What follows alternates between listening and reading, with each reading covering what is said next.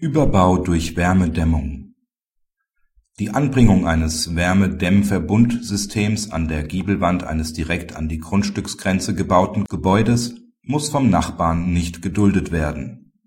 Sowohl nach § 912 Absatz 1 BGB als auch nach den in einigen Bundesländern existierenden nachbarrechtlichen Vorschriften kann ein Überbau durch den Eigentümer des Nachbargrundstücks unter Umständen zu dulden sein Insbesondere kommt dies dann in Betracht, wenn dem Überbauenden weder Vorsatz noch grobe Fahrlässigkeit vorzuwerfen ist oder aber es sich nach den nachbarrechtlichen Vorschriften um ein nur unwesentlich beeinträchtigendes untergeordnetes Bauteil handelt.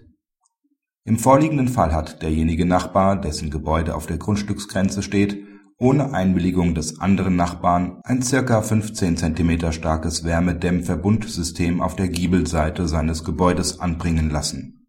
Dies muss der Nachbar nach der Entscheidung des OLG Karlsruhe nicht dulden, da nach dem Beschluss des BGH vom 19.09.2003 derjenige, der ein Bauteil anbringen lässt, das einen circa 15 cm starken Überstand auf das Nachbargrundstück verursacht, stets entweder grob fahrlässig oder aber vorsätzlich handelt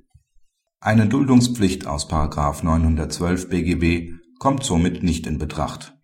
Darüber hinaus handelt es sich bei einem Wärmedämmverbundsystem auch nicht um ein untergeordnetes, den Nachbarn nicht beeinträchtigendes untergeordnetes Bauteil nach den landesrechtlichen Nachbargesetzen. Praxishinweis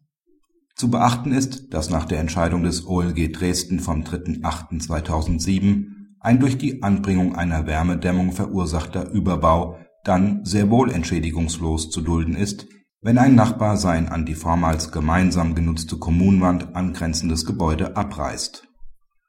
Aus dem Anspruch des Eigentümers des verbleibenden Gebäudes auf Wiederherstellung der zuvor bestehenden Wärmedämmung durch den Bau der beiden Gebäude aneinander aus § 921 BGB resultiert automatisch auch ein Duldungsanspruch hinsichtlich des notwendigen Überbaus